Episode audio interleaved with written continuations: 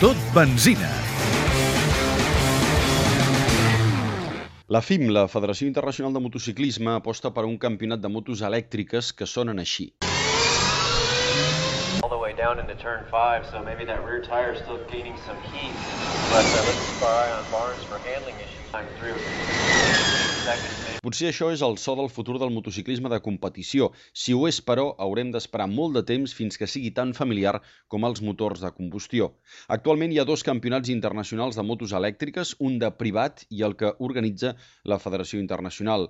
Aquest any, durant el mes de juliol, van decidir unir esforços i organitzar plegats una cursa, aprofitant el cap de setmana del MotoGP al circuit nord-americà de Laguna Seca. El resultat va ser una cursa de 12 motos de procedència diversa, una de les quals de Madrid, conduïda per un expilot del Campionat d'Espanya, Marcelino Manzano. De momento las prestaciones de esta moto son bastante limitadas, sobre todo en autonomía, no tanto en potencia, porque a una vuelta puede ser bastante rápida, pero en autonomía sí que hay una diferencia brutal. La Copa Internacional de Motos Elèctriques, anomenada e-Power, és un calaix de sastre on cadascú desenvolupa el que considera més important per acabar donant-li sortida. Uns la potència i la velocitat punta, altres la resistència de les bateries. La moto que pilota Marcelino Manzano s'anomena E-Jarama. És un projecte del Parc Científic de la Universitat Carlos III de Madrid.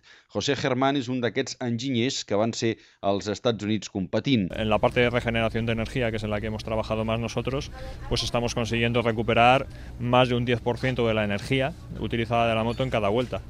Con lo cual estamos eh, consiguiendo completar carreras con capacidades de batería muy inferiores a las, de, a las del resto de las motos. Germán diu que a curt termini no s'imagina Lorenzo Pedrosa o Stoner competint en motos elèctriques, a banda que més que per competir pensen en productes pel carrer. Es un, quizás un motivo más emocional.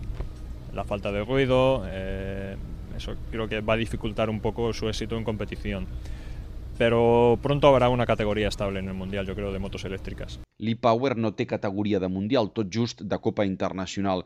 Aquí també, però, s'ha de dir que guanyi el millor o potser que guanyi qui arribi abans a l'endoll.